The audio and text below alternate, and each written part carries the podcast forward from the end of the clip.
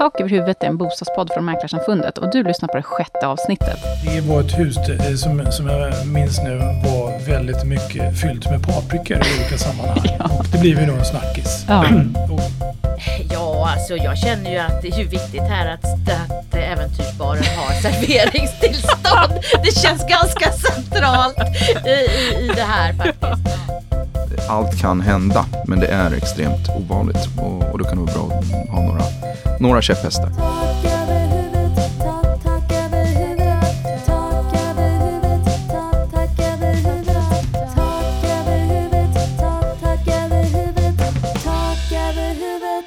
Jag heter Josefin Uppling och jag är analys och kommunikationschef på Mäklarsamfundet. Veckans tema det är Hemnet. Hur förklarar vi Hemnets närmast magnetiska dragningskraft på allt och alla? Ja, till vår hjälp har vi både Hemnets VD Mats Brandt och Hemnets styrelseordförande Ingrid Eiken. I Fråga Juristen så försöker vår förbundsjurist Fredrik Aldmo att berätta om hur man ska lösa det när det går åt skogen i en bostadsaffär. Och Mäklarsamfundets kundombudsman Titti Örn, hon pratar om vad man ska tänka på när man ska köpa ett fritidshus. Nu kör vi igång. Dagens tema är Hemnets mag- magiska dragningskraft på allt och alla. Och eh, till vår hjälp har vi vår VD, eh, Ingrid Eiken, som också är ordförande i Hemnet. Välkommen hit! Tackar, jag ser fram emot att vi ska prata om Hemnet. Det, eh, det känns jättebra. Men jag vill också säga att det är ju enormt eh, kul att vi fortsätter att ha väldigt många lyssnare.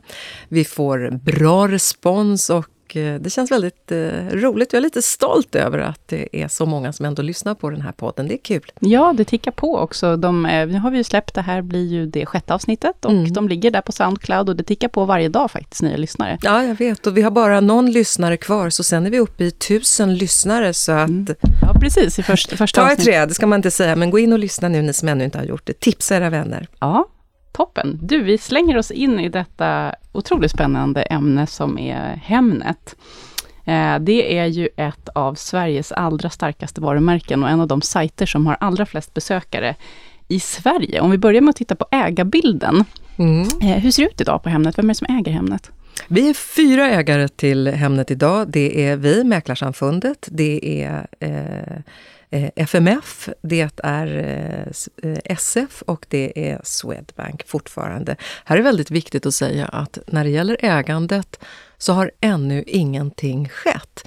Vi möter frågor eh, som går ut på att vi redan har sålt eller att det har kommit in nya ägare, men det är faktiskt ingenting som har förändrats, utan det är samma gäng som äger fortfarande och vi har ju gjort upp om en affär, men den eh, är ju ännu inte genomförd. Nej, just det, för det har varit mycket skriverier om Hemnet, om just det här ända sedan i maj förra året egentligen. Mm, Eh, precis. Och det, eh, utgångspunkten i det är ju då att det kom ett bud på Hemnet, eller hur, förra våren? Ja, det gjorde det och eh, eh, eh, det kom ett bud eh, och det resulterade också i att det finns nu en, en, en vi har gjort en signing där Blocket förvärvar 80% av eh, aktierna i Hemnet.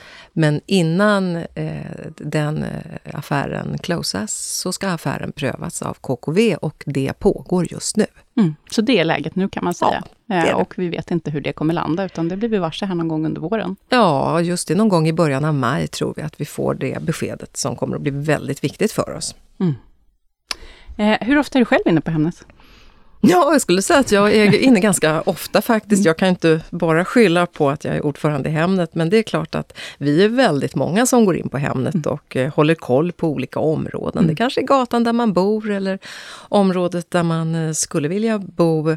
Eh, Jag tittar ofta in, för jag har som idén om att jag skulle vilja ha ett litet drömsommarställe vid Vättern till ett bra pris. Vi är ju östgötar i min familj Ja, ja, och ja. eh, har en, en eh, släkting i Östergötland som också är mäklare och trots att jag håller koll där faktiskt väldigt, väldigt Mm. ofta så har jag ännu inte dykt upp någonting. Det har börjat bli lite för dyrt även där faktiskt. Ja, det ser vi ju faktiskt, att priserna ökar i hela landet. Mm.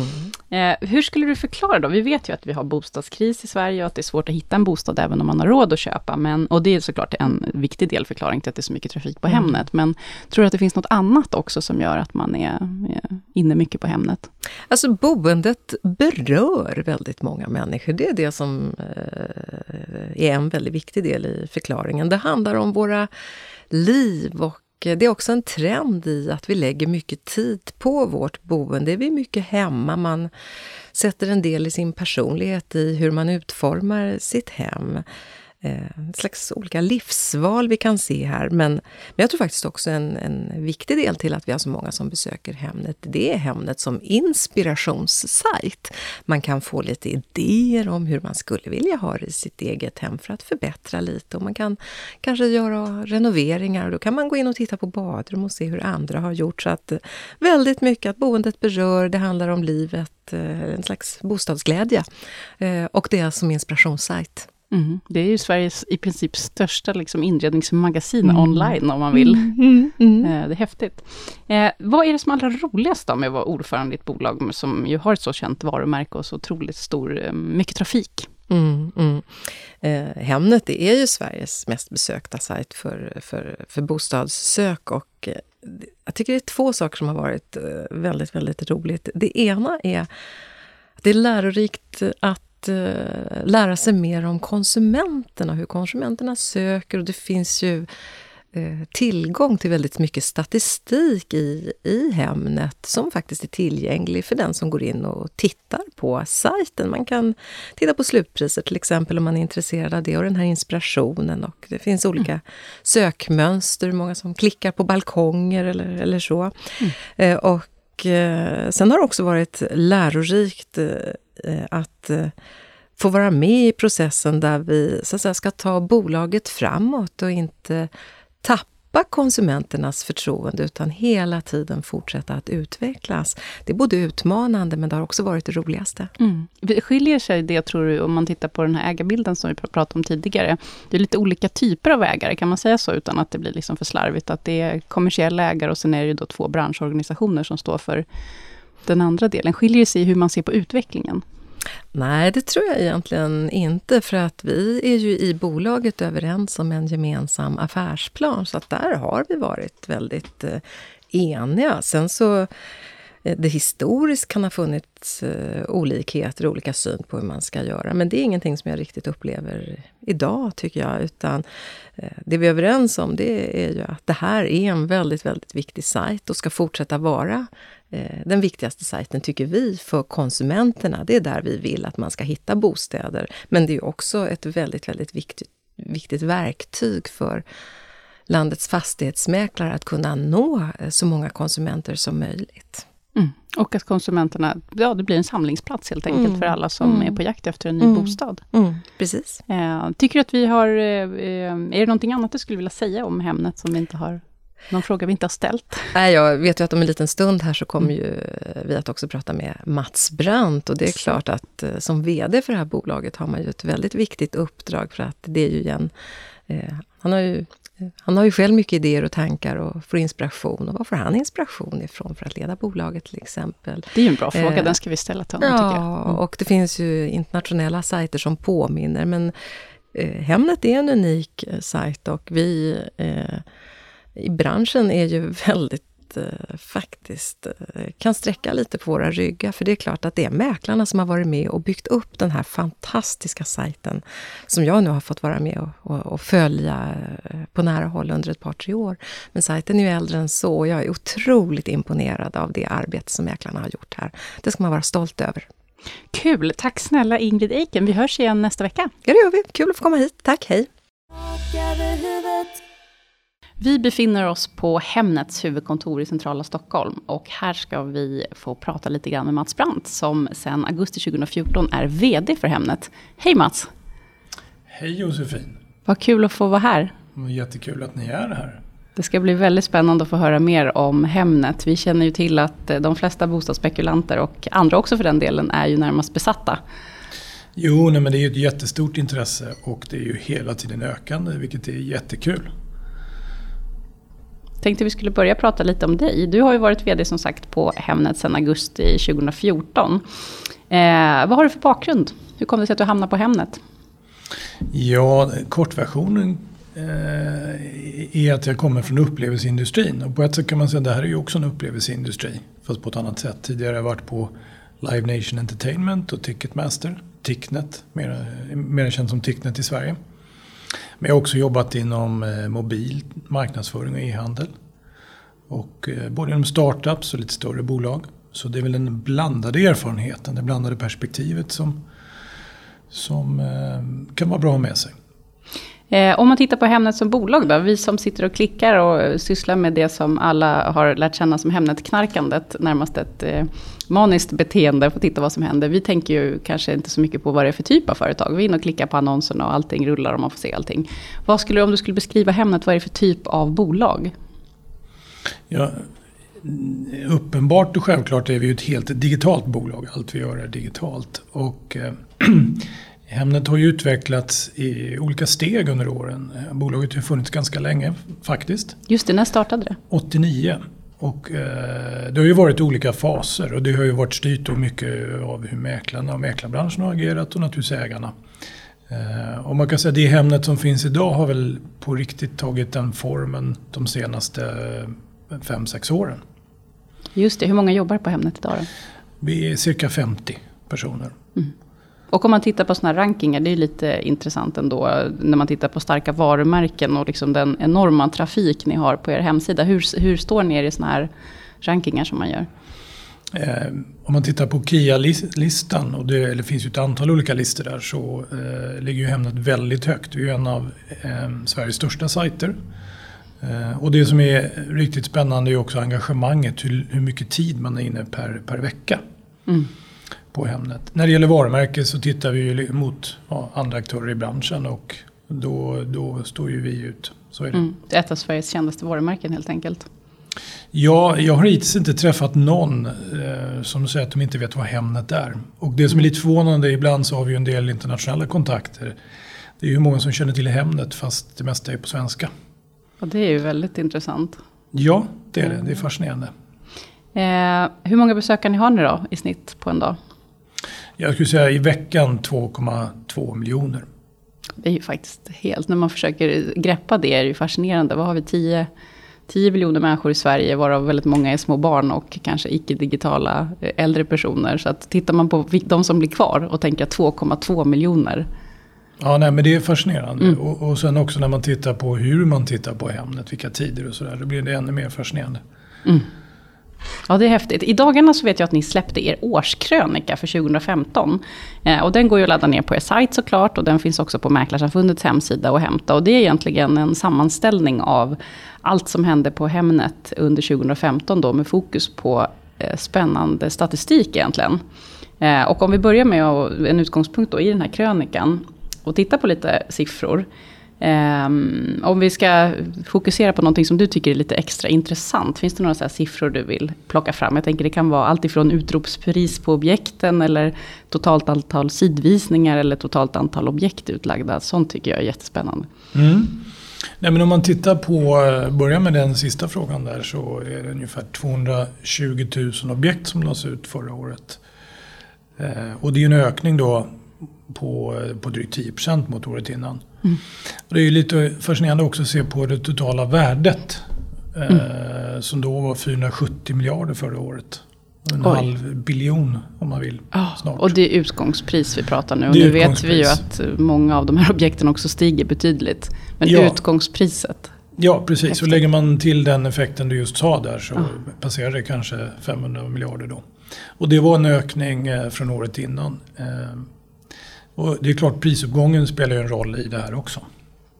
Absolut. Eh, Så kan man ju titta på eh, antal eh, sidvisningar som då beskriver engagemanget. Eh, Och det var 800 drygt miljoner. Mm. Och det var en kraftig ökning mot året innan. Och det, det, kom, det bevisar ju och visar ju på det här vi pratade om tidigare. Liksom hur engagemanget bara ökar för Mm. Hemnet och bostäder, bostadsfrågan. Mm. Vi vet ju att det är extrem bostadsbrist eh, nästan överallt där folk vill bo. Och att det är svårt att hitta en bostad även om man har råd att köpa en. Så det är naturligtvis en viktig förklaring att den bostadskrisen har blivit värre. Ser du några andra förklaringar till att man är så otroligt engagerad i just eh, en bostadssajt som Hemnet? Ja, jag tror att om man tittar på dem, eh, går man tillbaka till att det är 220 000 objekt och så ställer det i proportion till antalet besök så kan man dra slutsatsen att de allra flesta lyckas ju inte genomföra en affär. Så den stora majoriteten av de som kommer till Hemnet är ju då inte köpare eller säljare i, just i läget. Utan de kanske mer är drömmare. Man funderar, ska man flytta överhuvudtaget? Och om man flyttar, vad kan man få för pengarna? Och vad har, vad har man, det boende man har idag så att säga, vad har man för startutgångspunkt? Känns som att du pratar om mig. Ja, kanske. Du pratar nog om, eh, om, om de allra flesta. Ja. Eh, eh, och det är ju, så att jag tror att en förklaring är att, att boendefrågan i stort eh, har blivit jätteintressant. Och då tänker jag inte bara på eh, alltså de, de typiska frågorna kring amorteringskrav och, och ränteavdrag utan även alltså det emotionella engagemanget. Och det är, en av de, det är ett av de områden vi, vi jobbar med att utveckla mera. Det vi kallar inspiration.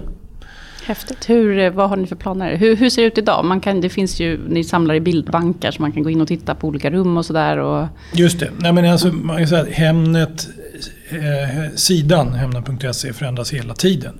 Så, och det tror jag att de som är riktigt då begeistrade och följer oss varje dag, vilket många gör, de märker ju det här. Så det är ju små steg men det är ganska snabb, i allt snabbare takt.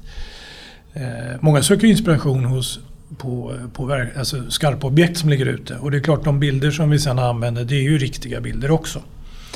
Men det är att, att jobba mera, att lyfta upp det här på ett tydligare sätt, mera tematiskt kopplat både till vilken tid på året, vilket intresseområde man har.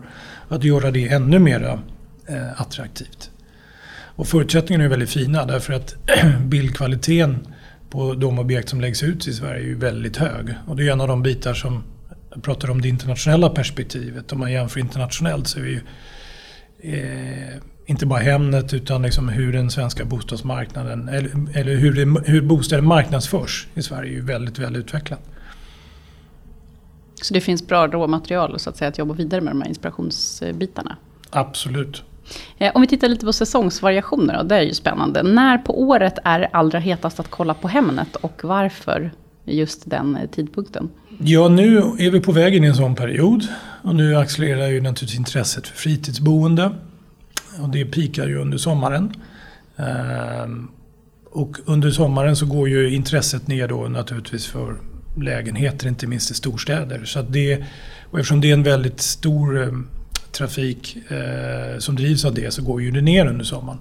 Och sen kom ju då en kraftig acceleration i eh, slutet på sommaren, början på hösten.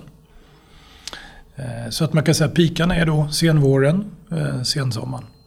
Mm, det är intressant det där och det, det håller nästan i sig. Det är mycket som förändras men just den här säsongsvariationen den håller i sig. Ja, den är när vi tittar och jämför år från år. Vi ökar ju hela tiden eh, trafiken, besöken. Men, men, men det här mönstret, säsongsvariationen är eh, extremt eh, stabilt. Och vilken tid på dygnet då om man ska titta lite på ännu mer mikro är det som är så populärt att surfa? Jag vet att ni hade någon kampanj här som handlade just om det här med Hemnetknarkandet. Jag kan sluta när jag vill och då var det någon som låg liksom under täcket mitt i natten och kunde liksom inte sluta titta. Ja, precis. Eller man kanske kan ta emot, vända på den och säga man kan börja när man vill. Och de flesta börjar ju då när de kommer till jobbet. och eh, det är ju kanske då inte bara good news för arbetsgivare. Men, men så är det i alla fall. Eh, det är någonting som engagerar. Och sen pikar det på kvällen. Mm. Och det är fascinerande att konstatera att även mitt i natten, eh, tre, fyra, fem på morgonen, så är det flera tusen som är inne. Nu är det förvisso de som jobbar på natten, men, men det är ändå. Det är ändå en fin fördel med mitt jobb att det liksom är legitimt att kolla på Hemnet på arbetstid. Det är ingenting man behöver smyga med om man jobbar på Mäklarsamfundet. Nej, nej visst är det skönt. Och, eh, Eller hur? Du, eh, är man extra intresserad i någon särskild del av Sverige då? Eh, Eller ligger det jämnt nationellt? Det, eh, det drivs ju av där många människor bor och där det är mycket objekt och mycket omsättning. Så självklart så finns det ju ett stort fokus på lägenheter och storstäder om man nu tittar på volym. Eh, Men sen om man tittar på enskilda objekt så kan det stå ut och det kan överraska. Av massa olika skäl, ibland förvånande skäl. Eh, Men det är klart det finns en koppling till hur, hur eh, beståndet faktiskt ser ut. Mm. Tempot då, hur har det utvecklats? Där kan jag ju tänka mig, vi ser ju att eh, försäljningshastigheten blir ju högre och högre i takt med att det finns färre objekt ute. Hur eh, speglas det i er statistik? Ja, nej men så är det. Att, att tempot ökar överlag. Eh, och vi har ju sett ökningar både från 2013 in i 2014 och 2015. Och det man ska komma ihåg är att, eh, och det tappar man ofta bort, för man kan tro att det faktiskt är ett lägre utbud, men så är det inte. utbudet ökar faktiskt. Det där, vet jag, det där är intressant faktiskt. Förklara gärna hur det funkar. Jag vet att er pressansvariga Staffan Tell brukar jämföra med en butik. Där man lägger in saker eh, och att det blir ögonblicksbilder. Man ser ju inte hur många tröjor som har sålts på dagen. Om det bara är två kvar på slutet av Ja, men dagen. precis så. Jag menar, Hemnet är ju en butik för bostäder. Så att det, det är en väldigt bra eh, liknelse. Och det man kan säga att det läggs ut fler objekt än tidigare. Men de ligger ute en kortare tid. Och tittar man då i snittdagar så har det, har det, så att säga, har det minskat från 50 dagar 2013 till eh, 47 2014 och 40 dagar 2015. Men det här är ju ett snitt och variationerna är väldigt stora. Eh, Så därför kan man säga att snittet säger mycket men ändå kanske inte så mycket för den lokala marknaden. Man behöver gå in och titta eh, Specifikt, hur det ser liksom. ut där. Ja. Om vi tittar på det här med att objekt tas bort innan visning. Har det också blivit vanligare? Ja, det har det. Och eh, det är upp till en fjärdedel av objekten som tas bort innan visning. Och det kommer ju med en, med en utmaning. Mm. Eh, Och det är ju ett sätt eh, kanske att, att då observera att här går det, här går det ännu fortare. Eh, och det, blir, det är ju det som man också ibland leder till den här debatten om det går för fort. Mm. Och det är klart när man står inför ja, livets, en av livets största affärer så, så, ja, så blir det här en stressfaktor. Naturligtvis, och det är nästan, om man tänker på vad det är för, jag säger att man ska göra just sin livs största affär, det rör sig om många miljoner om man är inne i en lägenhet i fem minuter. om man ens kommer till visningen. Eller så har man redan ringt upp mäklaren och sagt att det här ska jag ha, och då kanske man inte ens har sett lägenheten. Nej, just i de här fallen så, så finns det ju ingen möjlighet för det blir ingen visning helt Nej. enkelt. Och, eh, då, så att på ett sätt så är det ju, eh, så är det ju en, en, en utmaning om det här fortsätter så här och framförallt om det skulle öka ytterligare. Mm. Tror jag vi är helt överens, även våra mäklare. De tappar ju all möjlighet att träffa potentiella framtida kunder och eh, liksom en viktig kontaktyta när de inte får hålla sina visningar. Så där är vi. Nej, men precis så är det. Precis så. Eh, det här med sökord tycker jag är väldigt intressant. Vilka är de vanligaste sökorden? Är det fortfarande balkong eller öppen spis? Ja, balkong ligger högt och det är stabilt och det har det gjort faktiskt i tre år. Spis är, och kakelugn och det är också populärt. Men det är ord som absolut mest står ut. Det är ju så att säga, ord som har med vatten att göra. Ah. Så man klustrar och samlar ihop de orden så, så blir det just vatten. Alltså och då är det inte om det rinnande vatten i bostaden utan mer Nej. läget kanske. Man kan väl kanske skriva en snitsig annons där Mm. man eh, får trafik på det så att säga. Utan Ja. det, är ju, det är precis det. Sjö, havsutsikt, eh, eh, strandnära läge. Är det för att det är den säsongen nu tror du? Eller det var på snitt för hela förra året? Eh, det, alltså det påverkar ju även, alltså inte fritidsboende naturligtvis har det ju en Mm. stor bäring. Men överhuvudtaget så är ju vår längtan till vatten oavsett hur man bor. Även, om, det är en bost, även om det är en lägenhet i en storstad så, så har det absolut eh, ett stort värde. Intressant. Eh, om man tittar också på vad de här objekten kostade då. Vilket var det dyraste objektet som såldes under förra året? Ja, eh, det enskilt dyraste låg på 200 miljoner och var i Skåne. Oj. Och sen så hade vi eh, ett på 150 och ett på 135 miljoner i Södermanland. Mm. Men de det är inte så vanligt att det rör sig i det häradet. Nej, och man ska väl lägga till, då är det väl oftast mer än ett vanligt boende. Mm. Det kommer ju kanske med verksamhet och stora markägande. Mm. Klickraketer då, 2015. Finns det några riktiga klickraketer från förra året som är värda att nämna? Ja, och de ska man ju helst beskriva med bilder. Det är svårt att göra i en podcast. Men, eh, Mm. Vi man kan lägga upp någon bild om vi... Vi har ju faktiskt ett Instagramkonto, Tak över huvudet. Ja, där vi ja. brukar komplettera med lite bild för att man ska få lite feeling. Ja, då, de, de som stod ut mest hade just eh, vatten som tema och eh, man kunde köpa sin egen ö. Mm. Eh, Men det, det enskilda objekt som stod ut mest var ett hus, om jag nu minns rätt, här utanför Uddevalla. Som hade två eller tre pooler, brygga som man kunde rulla ner i vattnet. Så att det var väl liksom alla rätt på vatten. Mm. Eh, Men det fanns även eh, andra objekt som inte hade ja, vatten så nära. Det är klart, en lägenhet på Strandvägen i Stockholm har ju rätt bra sjöutsikt, eller havsutsikt.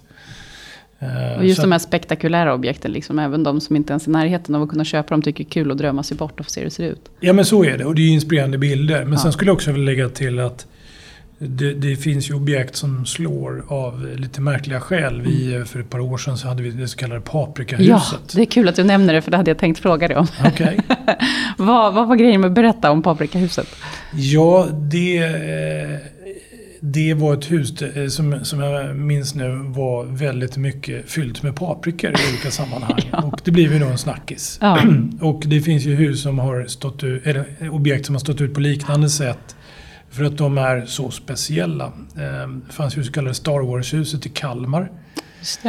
Eh, Så att det är klart, vill man stå ut och profilera sitt hem eh, lite extremt, då får du ju genomslag. Sen Mm. finns det ju en koppling också till när det finns kända personer eller kända sammanhang. Mm. Plura sålde sin lägenhet på Kungsholmen här rätt nyligen. Det slogs ju upp ganska stort faktiskt. Vad kul Ja, att se. och det beror ju väldigt mycket på hur de här personerna själva vill, väljer att tala om det. Så att Mm. säga. Det är klart det får ett genomslag. Så att man kan säga att intresset av att se hur andra bor och tillbaka till inspiration.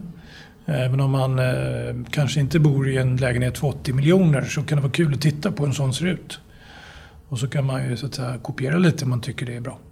Absolut, jag såg en husannons här i veckan där de hade med en sköldpadda som kröp runt på golvet. Den kändes lite härlig. Men finns det någon koppling då mellan de här klickraketerna, hur många klick man får och liksom hur det går i själva försäljningen? Eller är det mer liksom att man startar ett buzz eh, kring det här? Mm, Det är, det är en jätteintressant fråga. Och eh, det är klart att det finns en koppling men det är någonting vi vill eh, säga, studera ännu mera. Eh, men det är klart, ju fler klick så ju fler intressenter.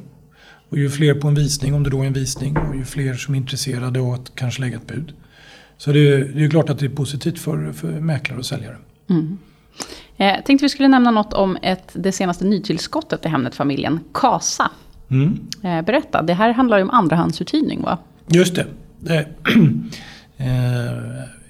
Ämnet Hemnet är ju fokuserat på hela bostadsmarknaden och då är det rätt logiskt att vi också tittar på inte bara köp och sälj.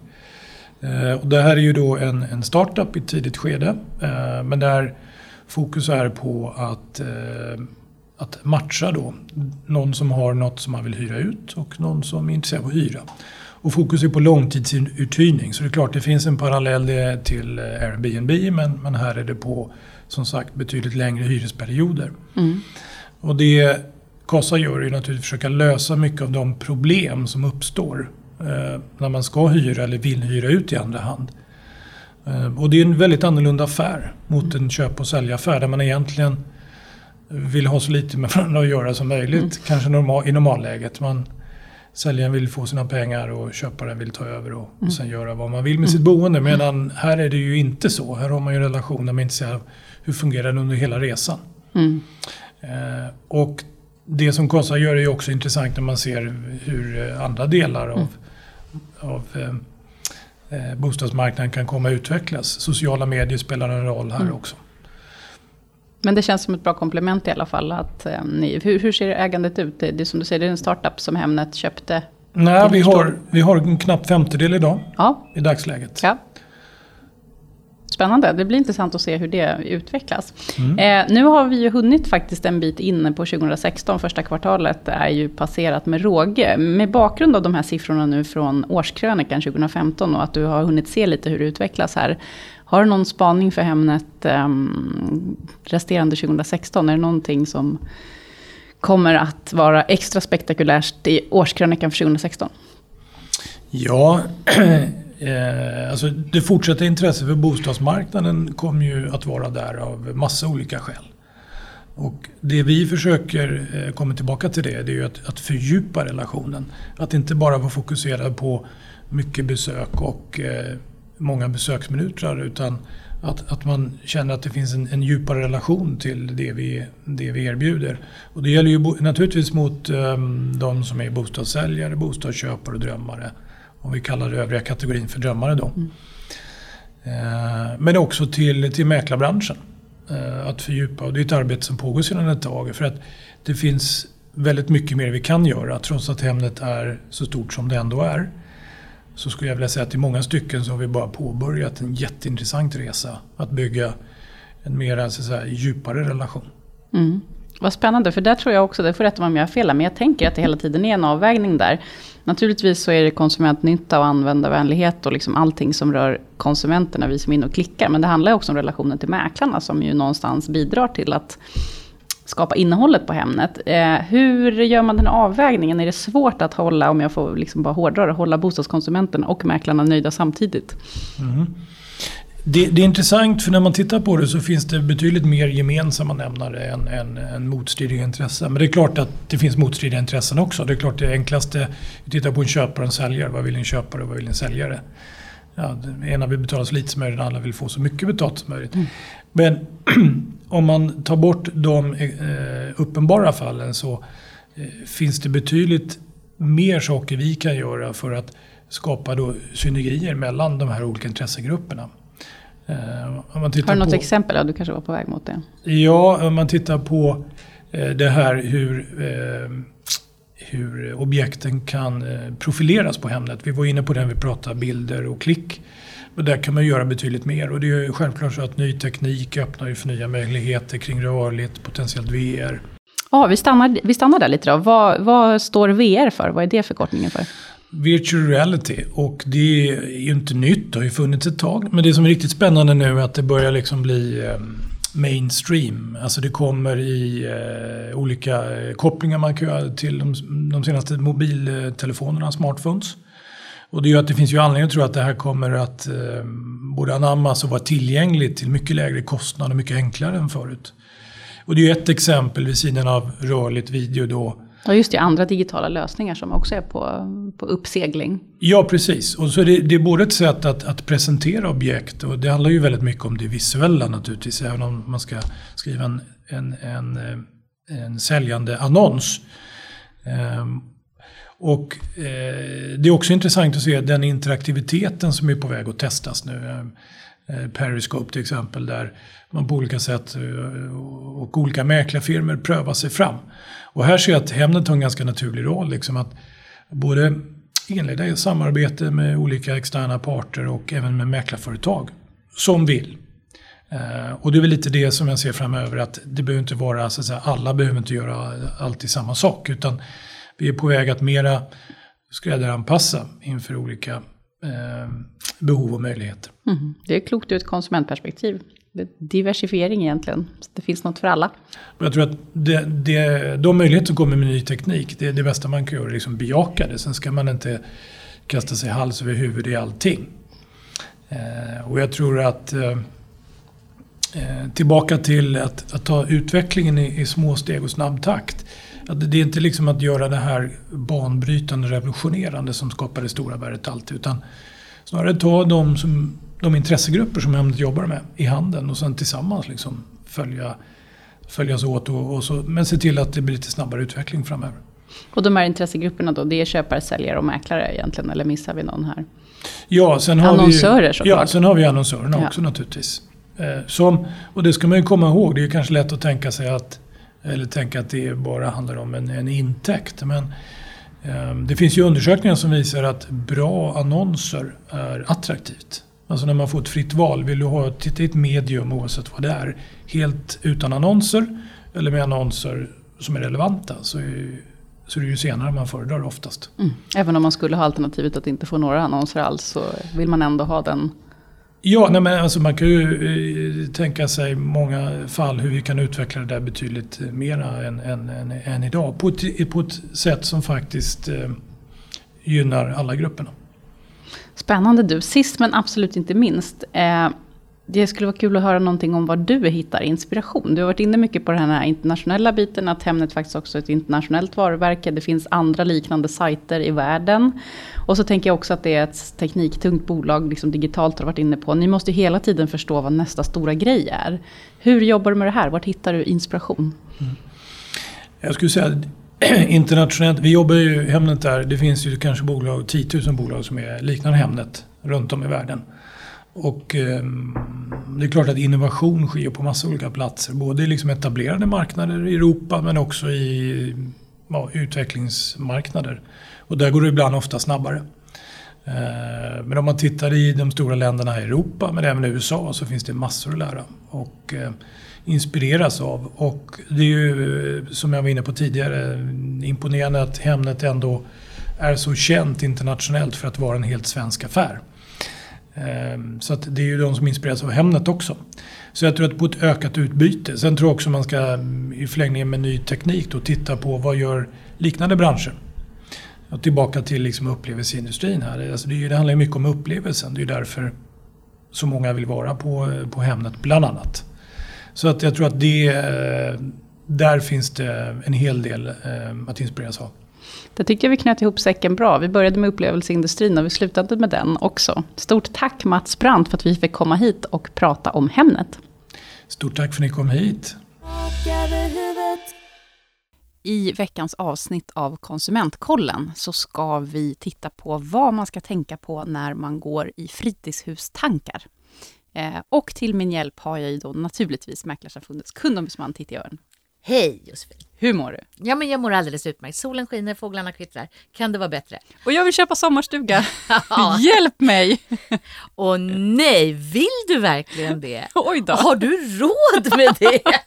det var väl den bästa första kontrollfrågan. Ja. Nej, det har jag väl inte Nej, egentligen. men vill vill jag. Ja, Men det är ofta så det börjar, när man börjar fundera på ah, men jag skulle ju vilja ha någonstans att åka. Eh, jag skulle vilja ha ett litet landställe. Eh, och eh, utan att raljera som jag gjorde på, på något sätt så vill jag säga att det är ändå där du måste börja.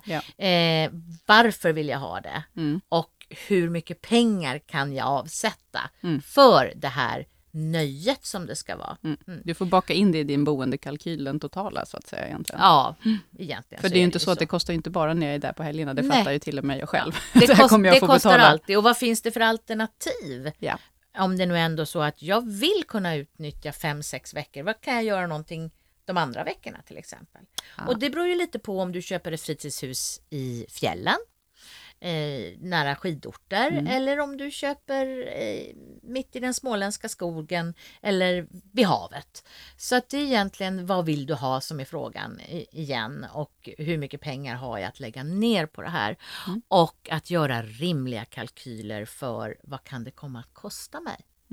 Och där kan man tänka att i de kalkylerna måste vi ta lite höjd för att det kan komma oväntade renoveringskostnader och något Ja. tak som brakar eller Ja, råttinvasion i men källaren. precis, precis. Och, och, och, och eh, det är alltså viktigt att bestämma sig även här. Vill jag köpa nytt? Vill jag köpa andel? Vill jag eh, köpa ett torp? Mm. Ja, som in, inte har el och vatten eller och mulltoa eller vad är det som, vad är det som gäller? Mm.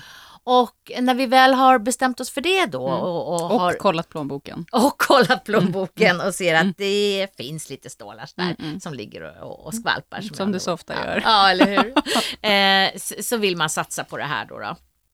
Och lite beroende på eh, hur satsningen ser ut och vad man ska ha det till eh, så har man väl lite olika checklister Mm. naturligtvis. Men vi säger, jag vill ha Men- en sommarstuga, liksom, tänk dig sommarstuga, det är liksom den här nidbilden, ett rött torp, Ja. eh, men jag vill ändå ha vatten och avlopp, men hyfsat nära Stockholm. Ja, precis. Och då måste man ju börja titta på vad bällar det då? Vad kostar det att köpa? Ja. Och, och vad har jag för alternativ? Ja. Eh, och här kommer det eh, dök det upp i huvudet på mig nu också något som är ganska vanligt faktiskt. Speciellt i närheten utav storstäderna. Mm. Det är arrendetomter, alltså Ah. hus på ofri grund. Som i sig är en helt annan eh, juridisk historia. Men det är bra att ha koll på det. Mm. Är det friköpt tomt? Precis. Varför är helt plötsligt ett hus väldigt mycket billigare än alla de andra? Mm, kan bero Jo, på. För tomten. att det står på ofri grund. Just. Man äger inte marken utan man arrenderar den. Och då behöver man ha mer pengar i plånboken. Precis. För att då kan man inte belåna det här. Nej, just det, det måste Då säger på. banken att nej, det gillar vi inte. Det var en Utan väldigt bra information. Måste, ja, Här måste du ha sparpengar då Mm. att eh, investera i Mm. för att kunna köpa det. Good point. När jag väl kommer på visningen då, är det, jag får väl erkänna att jag är väl inte liksom superexpert på det här med fasader och tak och grunder. Ska jag ta med mig en besiktningsman? Det är Eller väl klokt kvinna. att göra det så att man vet vad det är man köper eh, och vad det kan komma att kosta i framtiden och hur mycket pengar måste jag räkna med att lägga ner eh, dag ett för att få det här till eh, att faktiskt vara drömtorpet och inte mardrömstorpet Mm, dit ni inte vill åka. För att ni blir bara osams för Mm. att det vart fel. Då förtar det ju sitt syfte lite Ja, så det gäller liksom att man tittar på det Ja. och, och vad, vad är good enough?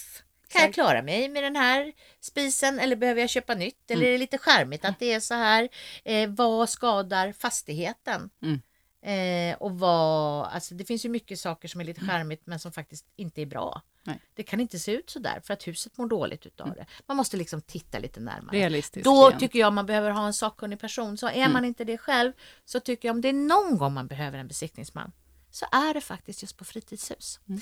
Eh, lite också för att vi har, har drömglasögonen på oss och Mm. vill inte riktigt se det där praktiska och höra det där som är tråkigt utan vi bara, oh vad fint det var här. Mm. Fina rosor här utanför och så vidare. Ja. Allting är... Okej, ja, men det är, jättebra, det är ett jättebra tips då. Besiktningshen får vi väl säga. Ja, om vi ska vara precis. Ja, könsneutrala nu här är det ju så att en besiktningsman kan vara både kvinna och man. Mm. Definitivt. Så att, men jag har besiktningshennen. Mm, det ska man ta med sig och Ja. hålla i handen ordentligt här. Okej. Eh, det här med liksom omgivning och grannar och sånt, Mm. då, hur ska man tänka där? Alltså det är ju superviktigt också. Vad ska jag ha det här huset till? Vad, vad, vad är rekreation för mig? Är det att jag har nära till golfbanan? Att jag inte behöver åka bil dit? Jag tar och cyklar dit? Eller springer eller går? Eh, Golfbanan. Med golfbagen på ja, ryggen. jag ser dig framför mig Josefin. Gör, gör du verkligen det? Nej men vad ska jag ha det här? Ska, ska jag vandra i skogarna med mina hundar och rekreeras av det? Eh, det är ju naturligtvis viktigt vad det här området erbjuder. Eh, köper jag ett, ett litet fritidshus i ett uppvuxet fritidshusområde då kanske jag gör det för att jag vill umgås med andra människor som har valt det också. Mm. Eh, och då är det ju kanske lite viktigt vilka jag har runt omkring mig och hur det ser ut och verkar. Eh, så varför inte knacka på dörren då och säga att du, det här huset är till salu, vi är jättesugna på det. Eh, bara för att höra lite. Mm. eh, Men vem är du? Efter. Ja. Eh, för att det kommer att spela roll Mm. utifrån vilka syften du har när du ska använda det här huset. Mm. Om vi säger att jag har lite mindre plånbok, vi säger att jag har ändå liksom, det finns utrymme för ett fritidshus, Mm. men det är inte ett skitstort utrymme. Nej. Finns det någonting som kan liksom få ner priset, eller hur ska jag tänka liksom rent geografiskt? Priset kan du ju inte påverka så ofta. Det är ju Mm. var det ligger någonstans och oftast hur långt det är från tätort. Eh, Ja, det var lite det jag var ute efter. Det här med, blir det billigare längre ut, eller liksom, hur funkar Eh, igen så blir det eh, Ligger det nära Åre, skitlångt till Åre tycker vi som bor i Stockholm. Så ligger det nära Åre. Nej, det blir inte billigare, det Nej. blir dyrare för där Ja. vill många bo. Ja. Så det går inte generellt att säga så. Nej. Men, men naturligtvis så är det så att, att prislappen styrs av Mm. eh, hur mycket det finns, hur många hus det finns och efterfrågan Mm. naturligtvis. Det som eh, kan vara bra är ju om man har lite för liten plånbok men ändå kanske har möjlighet att köpa. Men sen blir det att ha det som det är dyrt. Mm. Det är det jag behöver hjälp med. Mm. Då kan man ju fundera på att hyra ut. Just det, och då är det enklare om det är en skidstuga i Åre eller om det är ett torp långt bort i ingenstans. Ja, eller att det finns sådana förutsättningar som gör att här vill säkert de som inte hade sparat tillräckligt många pengar eller inte orkar eller vill ha ett eget fritidshus, eh, de hyr istället. Mm. Och där är andrahandsmarknaden för fritidshushyrare Mm. jättestor kan jag säga. Mm. Eh, och det finns, man kan anmäla sig till olika typer utav eh, organisationer som Mhm. hjälper till Mm. med att hyra Sajter ut och och sådär. förmedlingar. Ja, precis. Ja. Och förmedlingar, precis. Jag letar efter ordet förmedling Mm, menar jag. Så att det kan man absolut tänka sig. Det är en möjlighet. Och jag talar av egen erfarenhet att det Mm. funkar otroligt bra faktiskt. Och i vårt fall så har vi vårt hus nära eh, Astrid Lindgrens värld. Och det är ju perfekt. poppis. Ja, det kan jag tänka mig. Där har du ju själva rubriken, liksom, barnfamiljerna vallfärdar. Mm. Ja, så det, och då, sånt kan man tänka på. Det kan vara äventyrsbar, det kan vara äventyrsbar. Så är det. Äventyrsbad Jag skulle eller hyra, Kolmården eller någonting liknande. jag skulle hyra nära äventyrsbaren. Äventyrsbaren. Ja. Men kanske inte köpa nära Nej, vi köper, nej, vi, där hyr vi. Ja.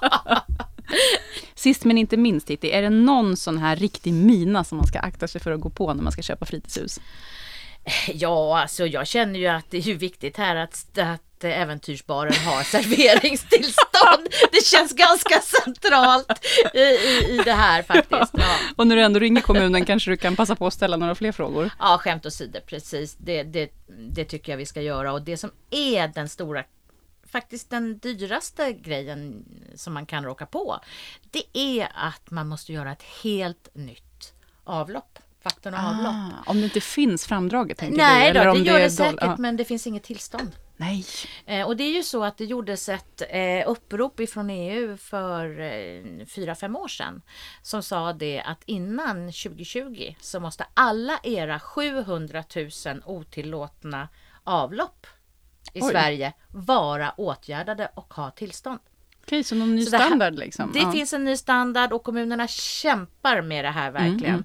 Eh, så att på alla och hos alla kommunkontor så kommer de kunna ge dig exakt information om om du behöver lägga, ja, vad heter det? Eh, lägga nytt avlopp Ja, och, och eh, eh, reningsverk helt enkelt.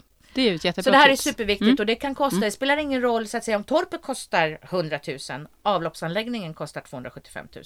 Jeez, det är inga små pengar här. Nej, här pratar vi stora pengar. Så absolut, bredvid serveringstillståndet så är det här avloppstillståndet Mm. eh, också väldigt viktigt. Ja, dryckestillstånd och avloppstillstånd alltså. Tack så mycket Titti Örn. Ja, tack. I veckans avsnitt av Fråga Juristen ska vi prata om situationer som vi helst inte vill hamna i. Eh, de allra, allra flesta bostadsaffärer som sker med hjälp av en fastighetsmäklare går enligt konstens alla regler och det är inga problem med dem. Men några affärer blir det ändå strul med. Eh, det kan faktiskt vara så att det går riktigt åt skogen på alla fronter och då kan det vara lite bra som konsument att veta vad man ska göra. Välkommen hit Fredrik Almo. Tackar, tackar. Ja, det eh, händer ju att det går riktigt, riktigt eh, illa eh, ibland. Det är som du nämnde, det är jätte, jättesällsynt. Men det händer att eh, någon mäklare ringer då och då och meddelar att eh, det är inflytt om två timmar och eh, lägenheten är vattenfylld. Eh, eller att huset har brunnit ner. Eh, eller att eh, en köpare påkörd av en buss eller liknande. Det, allt kan hända, men det är extremt ovanligt. Och, och då kan det vara bra att ha några, några käpphästar att tänka Mm. på. Och jag tänker vi ska försöka presentera käpphästar då, både om du är säljare och något går åt skogen, eller om du är köpare och något går åt skogen. Eh, och om, om man börjar med eh, från säljarsidan så brukar det vara att eh, köparen helt enkelt inte dyker upp. Eh, de vill inte fullfölja. Och då ska man ju tänka på att eh, då ska man vara ganska snabb på att eh, faktiskt fundera på om man ska häva köpet. Mm. Eh, och då ska man framställa hävningsförklaring och eh, skicka den till, eh, till säljarna. Mm. Och då är det bra att använda ett juridiskt ombud, eller hur? Ja, det kan det absolut vara. Eh, Just en hävningsförklaring är ju inte sådär superkomplicerad, men nu är jag kanske lite miljöskadad. Ja, det så tror att- jag. Jag tror att vi ska vara för att man använder ett juridiskt ombud. Ja, det kan vara bra för det kan bli, det kan komma efterverkningar sen som man behöver hantera. va. Så Mm. man kan egentligen säga så här, ju tidigare du kopplar in någon, desto lättare är det oftast att få rätt sida på det snabbt. Mm. Man kan tycka att det verkar lite läskigt och dyrt att anlita en jurist, men det är de pengarna kan man ha igen i längden. Ja, det vill jag nog påstå för att eh, du har du har ju en rättsskyddsförsäkring i din hemförsäkring normalt sett och sådär. Så att det, eh, det, ja, det kan låta som att det kan bli dyrt, men i slutändan så mm, är det inte så, så farligt, om jag ska uttrycka mig så. Det är Nej. nästan värre att lämna in bilen på verkstad vissa gånger. Ja, okej, good to know. Okej, är det något annat man ska tänka på som, vad började vi med? Säljare va? Vi börjar med säljaren. Eh, Anlita en expert om, eller en jurist om du känner och att du börjar... eh, fundera på om du ska häva.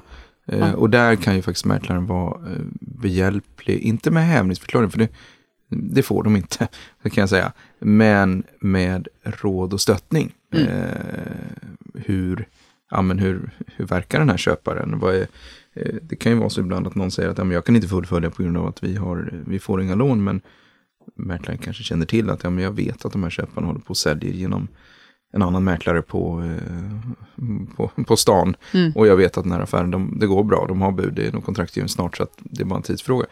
I de, fall, de fallen, då vet man från Kan man vänta lite kanske? Ja, men exakt. Då kan man ha is i magen. Och när det går åt skogen mot andra hållet, när det är säljaren som strular, eh, så handlar det ju oftast om att säljaren inte vill flytta ut. Och det pratade vi Nej. om tidigare, att då, då kan man kräva fullföljare i slutändan, lyfta ut dem. Mm. Eh, men eh, oftast är det ju det här att det har blivit någon skada va?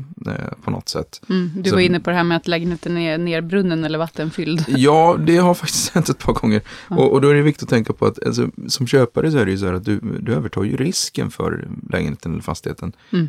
den dag du får nycklarna. Va? Det, händer Så något, tillträdesdagen. tillträdesdagen, händer något innan, då är det egentligen på säljarens ansvar. Mm. Så att eh, där ska man tänka på att om det händer något på säljarens ansvar, se till att reklamera mot säljaren som det heter. Alltså påtala att här eh, har det uppstått ett kontraktbrott och inte levererat en lägenhet eller fastighet i felfritt skick till Nej, mig. så vi skrev på Okej, så att rent konkret då, om vi tar det här brandexemplet, för jag tänker det är ändå liksom, det ju, skulle kunna hända. Jag har köpt en lägenhet, eh, jag skrev, ja, det här med som man gör i början, liksom, man har fixat med ehm, eh, kontantinsatsen och allt sånt. Och sen Mm, är, jag, mm. är jag på väg då till själva kontraktskrivningen. Och det är överlåtelsedags. Och när jag kommer dit så är säljaren helt förstörd och säger igår kväll brann hela köket upp. Mm. I de fallen, har, har det inträffat, då får man ju lösa det där med, eh, med någon form av, av tilläggsavtal där säljaren eh, tar på sig ansvaret att återställa på Mm. något sätt.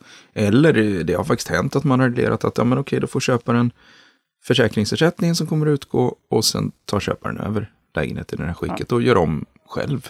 Det, Mm. det har faktiskt funnits några lysande exempel där man har tyckt att eh, det kanske till och med varit, varit bra utifrån att det, det skulle ändå göras om. Mm. Ehm, men eh, i de fallen så ofta så tar man ju en paus och väntar tills man har rätt ut Mm. trådarna. De, de stora problemen ska jag säga, det är när det sker mellan precis innan tillträdet. Mm. Eh, så här klassiker är ju vattenskada mellan kontrakt och tillträde. Kan jag säga. Eh, För bara för att du skriver kontrakt så betyder det inte att du flyttar in, utan det Nej, det kan vara liksom tre ett, månader ett tag. Va? Eh, och blir det vattenskada med kontrakt tillträde, ja, då är det ju bra. Och eh, faktiskt kontakta, det är ofta som man hör det genom mäklaren. Va? Men eh, se till då att man eh, styr upp det här och eh, ser till att ja, det, det, det blir en lösning på plats. Och mäklaren dokumenterar det här genom ett tilläggsavtal då, där man kanske säger att sen den ska återställa att köparen ska få försäkringsersättning.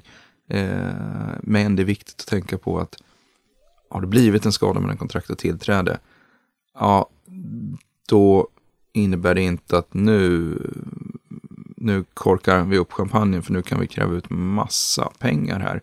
Eh, för det står alltid i de här standardavtalen som används att eh, köparen har rätt till vad man kallar för eh, skälig ersättning i, i de här stationerna. Och det innebär egentligen att okej, om du inte kan flytta in den, den första, utan det kanske tar några veckor, eh, så visst, du kan ha rätt till ersättning för evakueringsboende under tiden, men eh, ta inte in på Grand va, eh, under den tiden, för det, det har man Okej. inte.